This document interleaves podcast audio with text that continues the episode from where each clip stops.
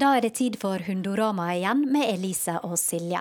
Og vi skal gjøre det vi liker aller best, nemlig å snakke om hund med dyktige hundefolk. Og I denne episoden så skal det handle om lydighet og problemer man kan få som hundeeier. For hva gjør du egentlig om hunden f.eks. nekter å gå fint i bånd og er aggressiv mot andre? Vi får besøk av hundetrener Elin Søbstad, som vil gi oss noen gode råd. Der finnes ikke én sånn fasit eller et sett regler som er sånn dette gjør vi, og så fikser det alt. De fleste møter på et eller annet problem med hunden sin, og panelet vårt de deler sine erfaringer med å løse disse problemene. Det finnes jo en del sånne spesialkurs, heter det bare, som rett og slett der du kan ta med hunden din med et helt spesifikt problem. Altså. Det vil jeg anbefale. Jeg har hørt masse bra om. Jeg hadde bare ikke visst hvilket problem jeg skulle ta med på kurset. Det blir dyrt.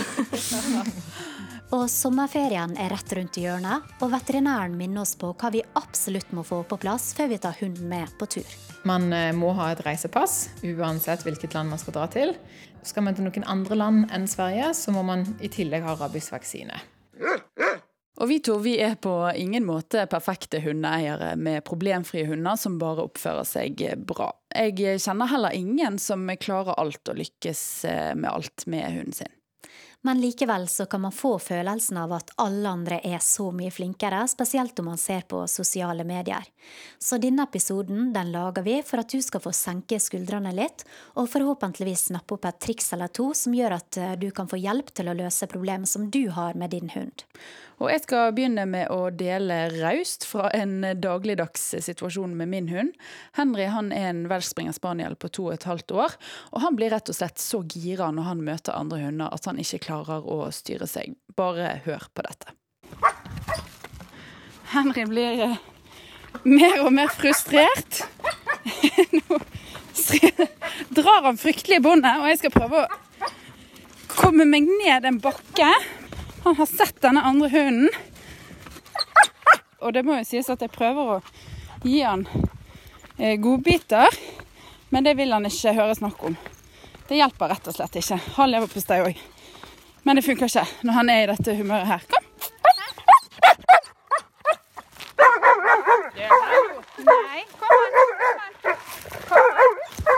Her kom det altså enda en hund. Kom, Henry. Kom an. Her! Bra. Her. Kom an. Bra. Her. Går, nå går vi altså så langt unna som vi kommer. Eh, får se om han roer seg litt. Kom. Her. Ut i skauen her. Kom, kom. Her, ja. Sånn, ja. Sitt. Her. Og skal vi se om jeg vil ha litt leverpostei nå. For det jeg opplever, er at eh, Nei. Det jeg opplever, er at han eh, ofte vil ta den leverposteien hvis vi øker avstanden litt. Men sånn som nå, når det kom hund fra begge sider Her, her.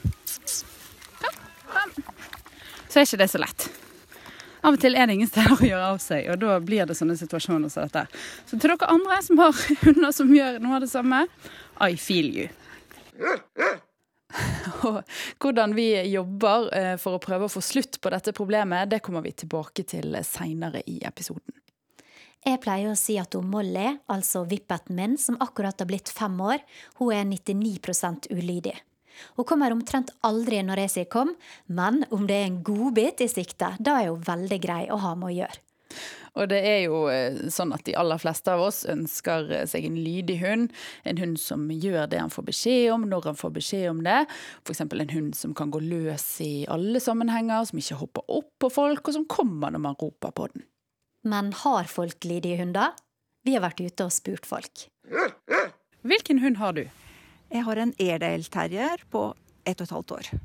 Og hvor lydig er hunden din? Eh, jeg skulle ønske den var litt mer lydig enn det den er. Problemet med Airedale terrieren min er at han er så veldig glad og lett aktivert.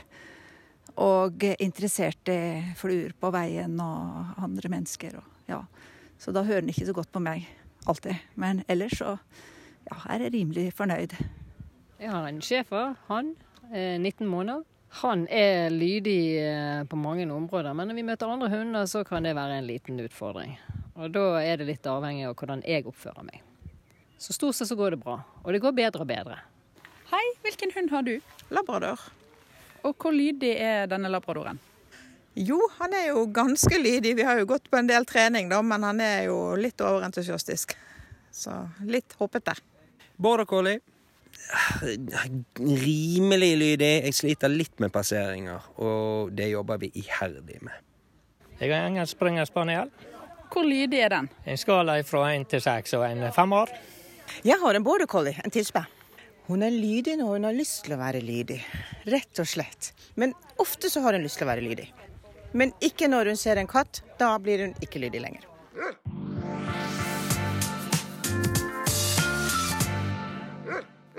De fleste har jo et eller annet problem med hunden sin. For hunder de er som mennesker, og ingen er perfekt. Men frykt ikke, for vi har nemlig fått besøk av en som lever av å fikse hundeproblemer.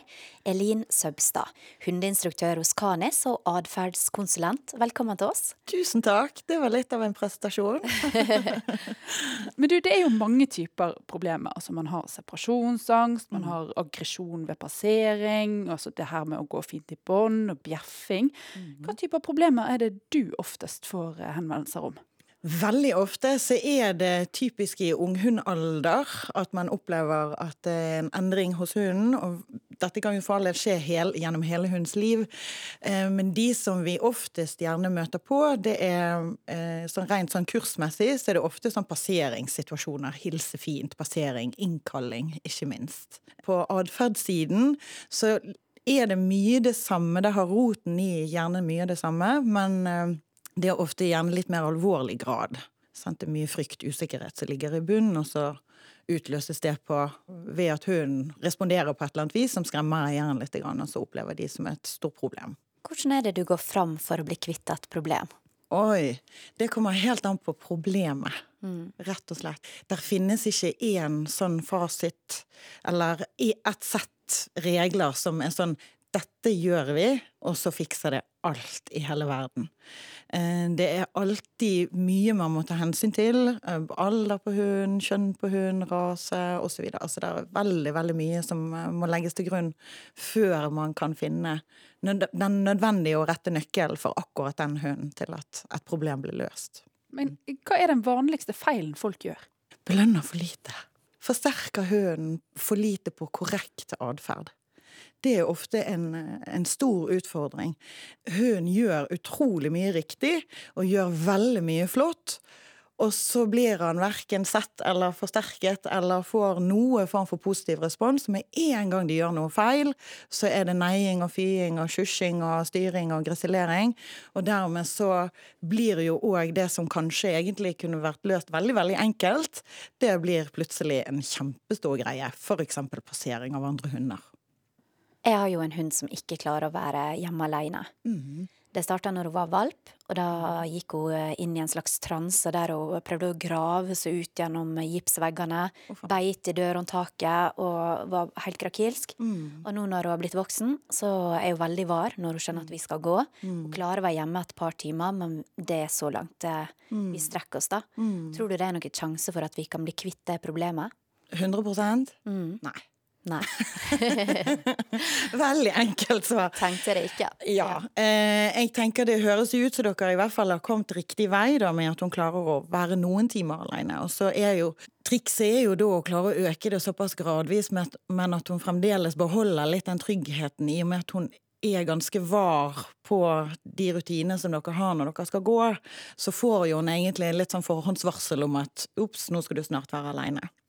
Eh, og i og med dette skjedde, eller oppsto, eller skjedde, eller allerede eksisterte når hun var valp, så tenker jeg at dette nok er litt eh, heftig å klare å få 100% i orden.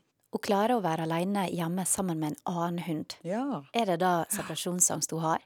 Separasjonsangst kan vise seg med mange ansikter. Det kan være genetisk betinget.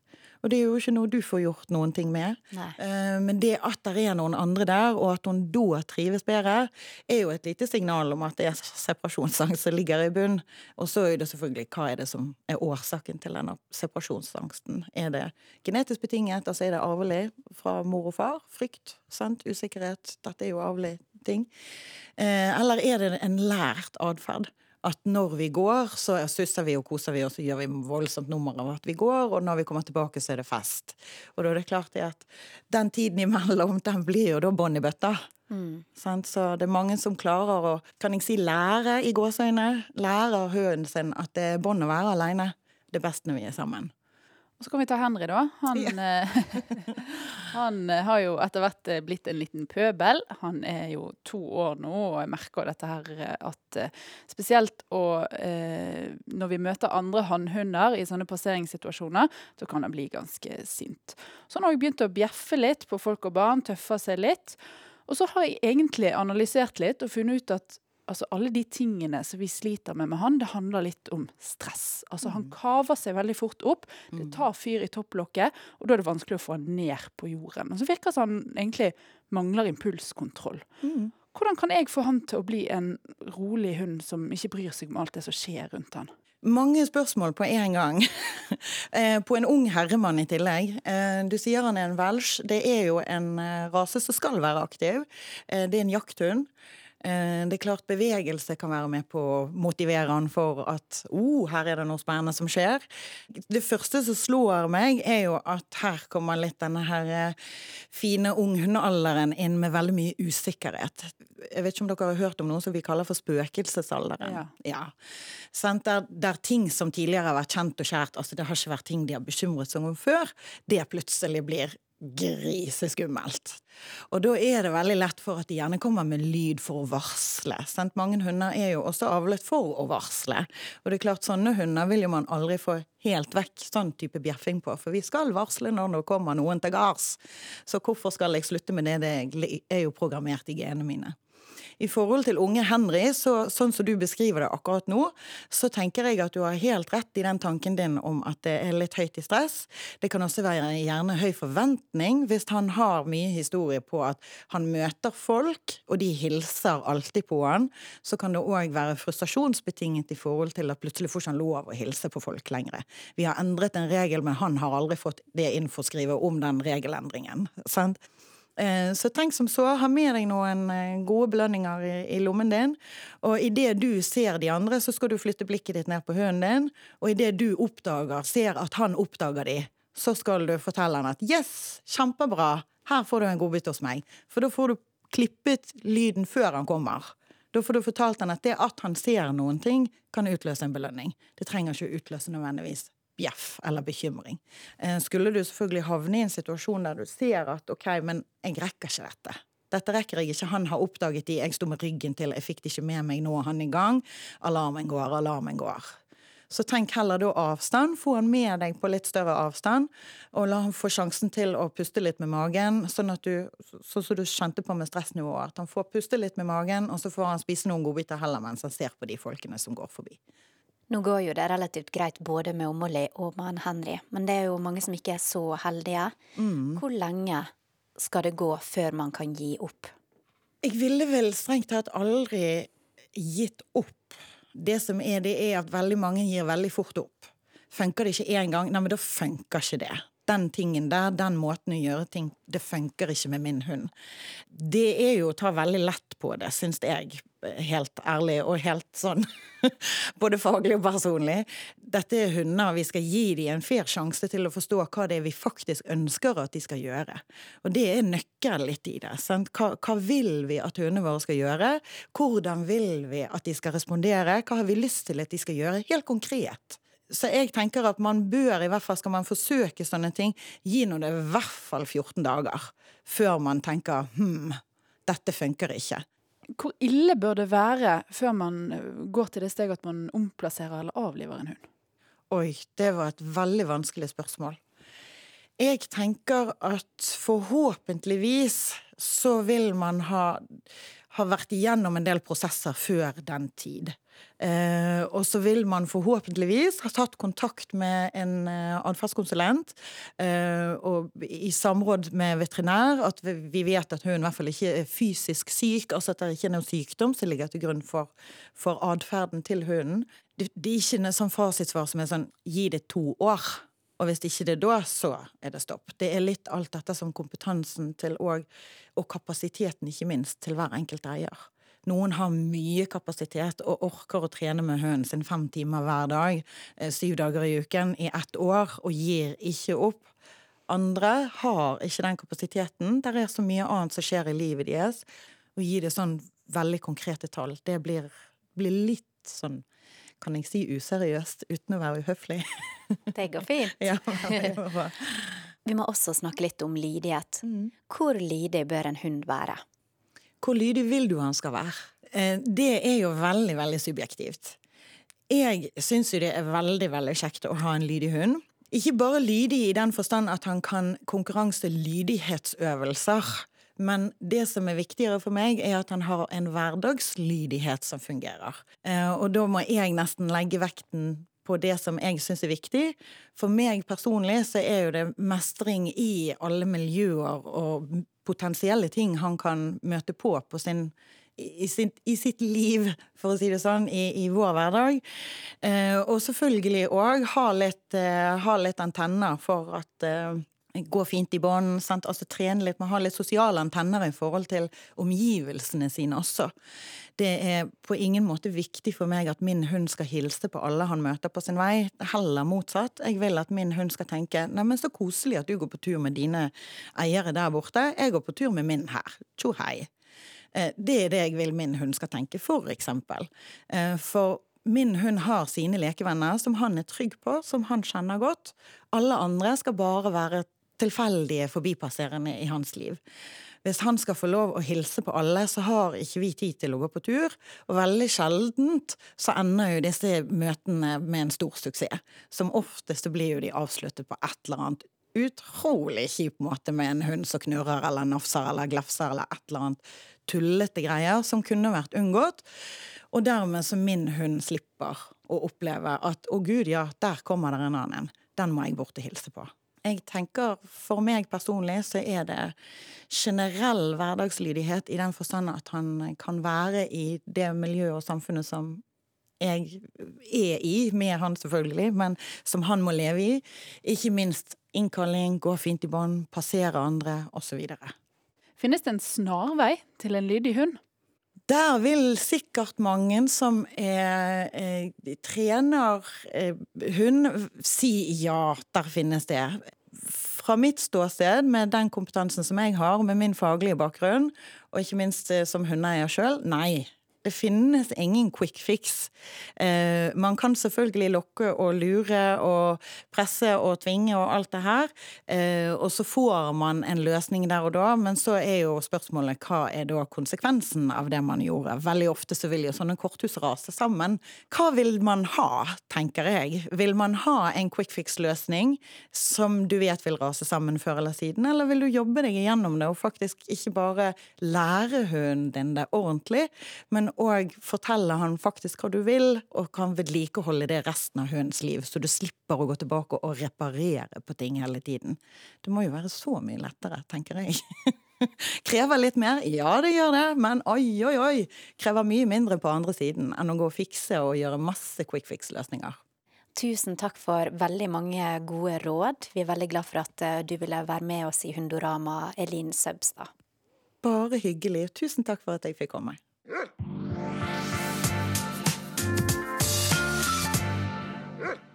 Da er det tid for den faste spalta vår, Spør veterinæren. Om du lurer på noe, hva som helst, så kan du sende inn spørsmålet ditt via Hundoramas Facebook-side eller Instagram.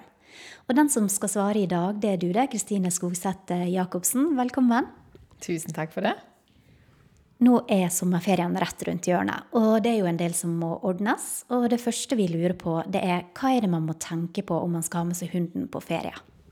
Det første man bør gjøre, er å kontakte veterinær for å diskutere litt hvilke anbefalinger og hvilke lovpålagte regler man bør følge, basert på den destinasjonen eller landet man skal reise til. Et godt tips er å alltid ta kontakt god tid i forveien. Eh, enkelte sykdommer som er sterkt anbefaler, men som ikke er lovpålagt, men som er sterkt anbefaler å vaksinere mot, eh, må man gjerne begynne vaksineprogram allerede ti uker før avreise. Så det er viktig å bare starte planleggingen tidlig. Og hva med pass og slike ting, da? Man eh, må ha et reisepass uansett hvilket land man skal dra til. Hvis man skal til Sverige, så må man ha ID-skip, pass Og man må huske på å gi en ormekur på vei hjem inn til Norge igjen hos veterinær. Skal man til noen andre land enn Sverige, så må man i tillegg ha rabiesvaksine. Og denne ormekuren så finnes det to forskjellige protokoller. Eh, alt etter eh, hvor lenge man skal være i landet, og hva som gjerne kan bli mest praktisk med tanke på logistikken. Men det er veldig viktig uansett at denne ormekuren blir gitt. Og det er mot en sykdom som heter revens dvergbendelorm. Som er en sykdom som faktisk ikke er særlig farlig hos rever eller hos hunder eller andre hundedyr. Men mennesker er faktisk en mellomvert som kan bli direkte smitta fra hunden og hundens avføring. da.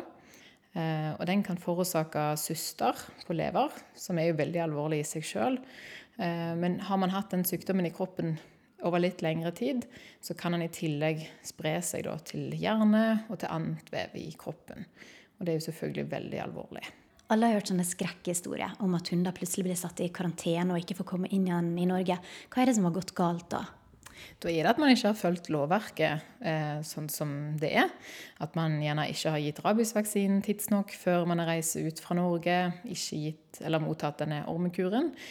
Og det er jo ikke for at man ønsker å være vanskelig, men det er jo rett og slett at man må ta det på alvor. Både for dyrevelferden, for sin egen hund, for andre dyr. Men ikke minst òg bare for folkehelsen sin del. For eh, det er jo veldig store konsekvenser ved å ta med seg eksotiske sykdommer inn til Norge. For mange så betyr jo ferie med hund kjøring. Og så er det mange som blir uh, syke i bilen. Hvordan fungerer disse her reisesyketablettene?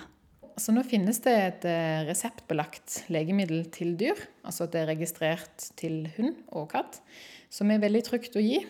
Uh, så, det, så, lenge det gis i riktig dosering, så er det ingenting farlig med å gi det. Så det ville gitt hvis man er bekymra for, eller tidligere erfart, at de kan bli kvalm. Men jeg ville òg anbefalt og begynt med å kjøre litt i bil eh, på forhånd. Gjerne kortere turer. Venne de til å være i buret. Hvis de har litt lett for å bli stressa, så kan man jo prøve noe som heter adaptil, altså sånne feromoner, som kan gi en betryggende og beroligende effekt, uten at det er sentralnervestimulerende. Det er jo mange som er litt sånn skeptiske til disse reisesyketablettene. Er det farlige bivirkninger? I utgangspunktet nei.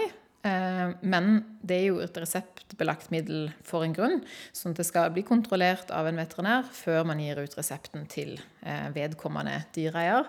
Har man en hund med en kjent leversykdom eller hjertesykdom, så skal man være litt restriktiv med bruken.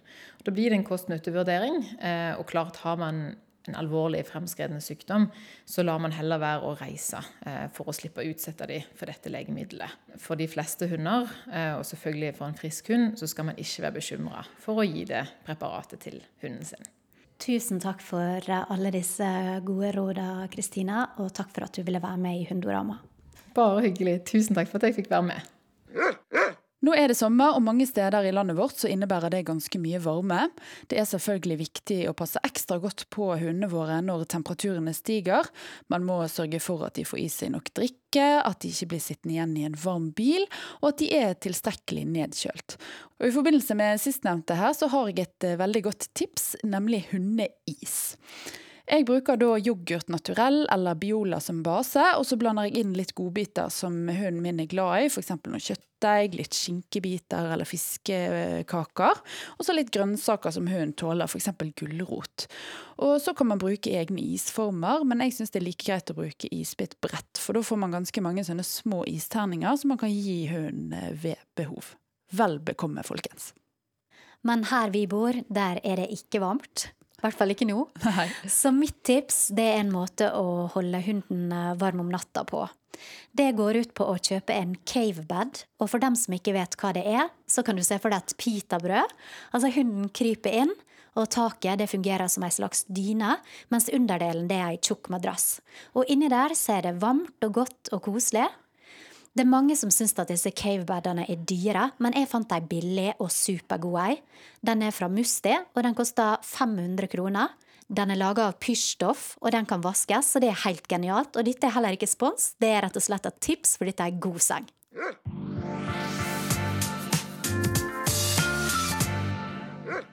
Og Silje, noen husker kanskje at du og Molly var hos veterinæren i den episoden som handlet om eh, fôr. Her eh, får dere et lite tilbakeblikk. Og det som er klassisk å se på overvektige hunder, i hvert fall de som har kort pels, sånn som henne, er at de kan få en litt sånn tønnefasong på buken, da.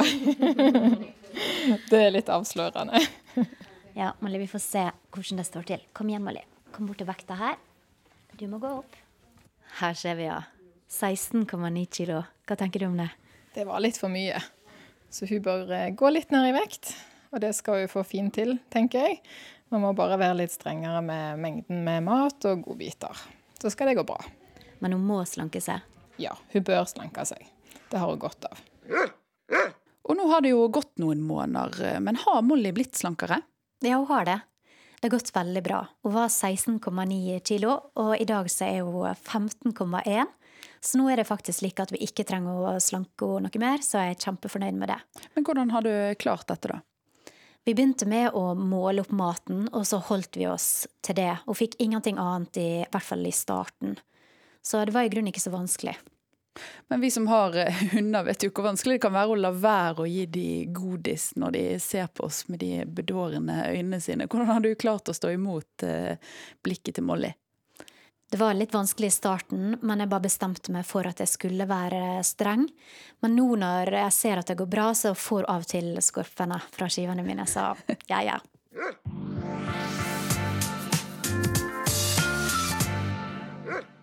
Og nå er det tid for det store høydepunktet i podden vår, panelet. For vi elsker å få besøk av engasjerte hundeeiere som kan gi oss tips og råd, og i dag så handler det jo om atferd og lydighet. Vegard Bakken, Ditto, det er en lagotto, altså en italiensk vannhund. Er det slik at hun har noen problemer? Ja, Du spør godt. Jeg vet ikke om hun blir blind på problemer hos egne hunder, men uh, hun har ett problem igjen jeg bare ikke får vekk, det er at hun sjekker kjøkkenbenken om det ligger noe godt der. Eh, det, og det har jeg bare innsett det er bare får hun bare gjøre. Altså. Får bare passe på ikke legge noe godt der. Den sjekker hun hver eneste dag, flere ganger daglig. Og Julie Borge, du har jo en beagle. Og hvilke problemer møter du på med hund? Nei, det, vi kan jo lage en liste ut av det, men det er jo dessverre litt flere. Eh, mat. Stjeler mat. Og så har vi dette her med uling og lyd på tur. Hvis hun kommer inn i et godt spor, eller møter noen hun skal gjerne Ja, jeg vet ikke hva hun vil, men ja. Hun er høylytt. Det er hun. Og Kristine Skogseth Jacobsen, du er veterinær, vårt faglige alibi. Hva er det vanligste problemet folk nevner på klinikken? Uønska atferd mot andre dyr ved passering eller på tur. Separasjonsangst er jo et stort problem. at Det er gjerne da de ønsker å spørre en fagkyndig om hjelp. Og selvfølgelig sånne ting som at de begynte å markere inne. Og um, aggresjon er jo kanskje den som er den verste, da. For det har så store konsekvenser. Eh, Henry òg har jo en lang liste med ting vi prøver å jobbe med. Det er liksom, eh, det er dette her med å møte andre hunder. Enten blir han for gira fordi han vil hilse, eller så er han sint fordi det er andre hannhunder. Og så var det et stort problem at han ikke kunne være alene hjemme. Det jobber vi med nå. Han drar i båndet, og han bjeffer på folk og, og sånne ting. Og da kjenner jeg at det er ikke så mange eh, ting igjen som jeg er glad for at han ikke gjør. Men han stjeler ikke mat. Det er jeg veldig glad for. For det hadde bare vært enda en stein til byrden. Har dere noe sånt som dere kjenner at dere er veldig glad for at deres hunder ikke gjør? Min hund går jo rett forbi, hun bryr seg ikke om hunder. Det er jo liksom bra at hunden min gjør det på et, på et, vis, for jeg hører jo, som du sier, mange sliter med passeringer og aggresjon og forskjellige ting. Og det er jo litt trist, da, for jeg ikke får snakka med, med, noen folk. Men igjen, da, så, så har jeg vært borte at hun har jo bare gått forbi en slåsskamp mellom to hunder. og satt seg en gang og tissa ved siden av en slåsskamp. Altså, hun er jo fullstendig vekke når det gjelder andre hunder. Er det noe du er veldig glad for at Kira ikke gjør? Ja, hun er jo ganske snill. Så jeg er aldri bekymra for henne rundt barn eller andre folk. Hun fins jo ikke skeptisk. Og det er jeg jo egentlig veldig glad for. Det er vanskelig liksom å sitte og si sånn derre ja, hunden sliter med det eller sliter ikke med det. For det, det, er jo, som du sikkert opplever, 100 grunner til hvorfor hunder, hunder gjør de forskjellige tingene. Men, men, så har du det at eh, mange av problemene tror nok jeg ville blitt løst da ved aktivisering av hunden. Altså rett og slett, Jeg tror veldig mange hvis de bare hadde gått en time lenger tur, eller en ekstra tur i, i veka, eller hatt en eller annen ting å aktivisere, tror jeg det ville ha tatt vekk veldig mange mm. problem. tror jeg nok, altså. Ja. Det er jeg helt enig med. Det har jeg veldig sterk tro på. Mm. Så hvis man opplever i hvert fall et eller annet sterkt uønska problem med sin hund, så er det viktig å søke om hjelp, da. Enten fra en hundetrener eller veterinær eller Hvor lang tid skal det gå da før man uh, oppsøker noen? Det kommer nok helt an på problemet og problemstillingen. Desto tidligere du begynner med eh, forebyggende treningsarbeid, egentlig, desto fortere får du korrigert det. Og så er det jo litt sånn at eh, alle, altså all atferd som hunden viser, som både positiv og uønsket atferd, det er jo gjerne vi som har lært den det. På en eller annen måte fordi vi kanskje har forsterket noe, eller vi har gjort et eller annet feil i det øyeblikket. Og Da er det vanskelig å, å plukke vekk. Er det sånn at man da bør gå litt i seg sjøl og tenke at uh, her uh, har jeg gjort noe feil, eller bør man bare liksom se framover og OK, nå må vi plukke det vekk? Veldig ofte tror jeg vi må gå litt i oss sjøl òg, for vi utlyser jo et eh, kroppsspråk hun tolker veldig fort. Mm. At vi tvinner den inntil foten og stramt bånd. Og Vi gikk jo på kurs med vår hund, og hun ble mye bedre. Dette her med uling og forbipassering. Hun er ikke eh, perfekt nå, det er hun ikke. Det oppstår, men det er mye sjeldnere. Um, og da lærte vi mye om hvordan vi gikk med henne. Og det er også dette her med å vende de fra situasjonen, og ikke gi situasjonen for mye fokus òg. Det er mye som handler om oss, rett og slett. Mm. Det, det, et godt tips er jo eh, Det finnes jo en del sånne spesialkurs, heter det bare. Som rett og slett der du kan ta med hunden din med et helt spesifikt problem. altså. Det vil jeg anbefale. Det har jeg hørt masse bra om. Jeg hadde bare ikke visst hvilket problem jeg skulle ta med på kurset. Det blir dyrt. Men så har jo vi òg et dilemma. Ja, det er jo ikke slik at min hund er problemfri heller. Og Molly er fire år, hun har veldig separasjonsangst. Så nå har vi altså løst det slik at vi har hunden vår med dagmamma hver bidige dag når vi er på jobb. Så nå skal dere få et lite dilemma her. Hva ville dere helst hatt? Min hund, Molly, eller Elise sin Henry? Nå, nå kjenner jo jeg Henry, da. Ja, han er så kul. Så han, eh, jeg tror nok jeg ville gått for Henry, altså. Kristine, du har jo faktisk møtt Molly. Ja. Kommer du over på mitt lag, eller? Jeg ville jo eh, eh, selvfølgelig helst ikke hatt noen av problemene. Nei, men jeg ville for det første selvfølgelig forsøkt å trene bort problemene. Men du skal tenke på hunden sin del, da. Eh, så tror jeg jo gjerne at det her med litt sånn aggresjon er i hvert fall litt mer sånn kortvarig problem. Men separasjonsangst det er jo noe som gjerne foregår hele veien. Så sånn sett, hvis man skulle ha valgt mellom de to problemene separat, ville nok heller gått for en hund som var litt mer aggressiv, da. Ja, Julia? Ja, nå kjenner jo jeg òg Henry en del. Men, men så vet du jo òg at hvis jeg skal gå på tur med Henry og Kira, så ville jo det aldri gått. For de er jo går i hvert sitt spor. Det kan være jeg skulle tatt Molly, altså. Det er jeg glad for å høre. Og jeg får jo vel, jeg følger jo veldig mange sånne hunder på Instagram og Facebook, og jeg får opp sånne morsomme hundevideoer i feeden min. Og det er ofte hunder som har ødelagt ting. Eh, noen har gått ut, og så har de latt hunden være alene hjemme, og så har han tatt for seg av sofaputer eller sånne ting.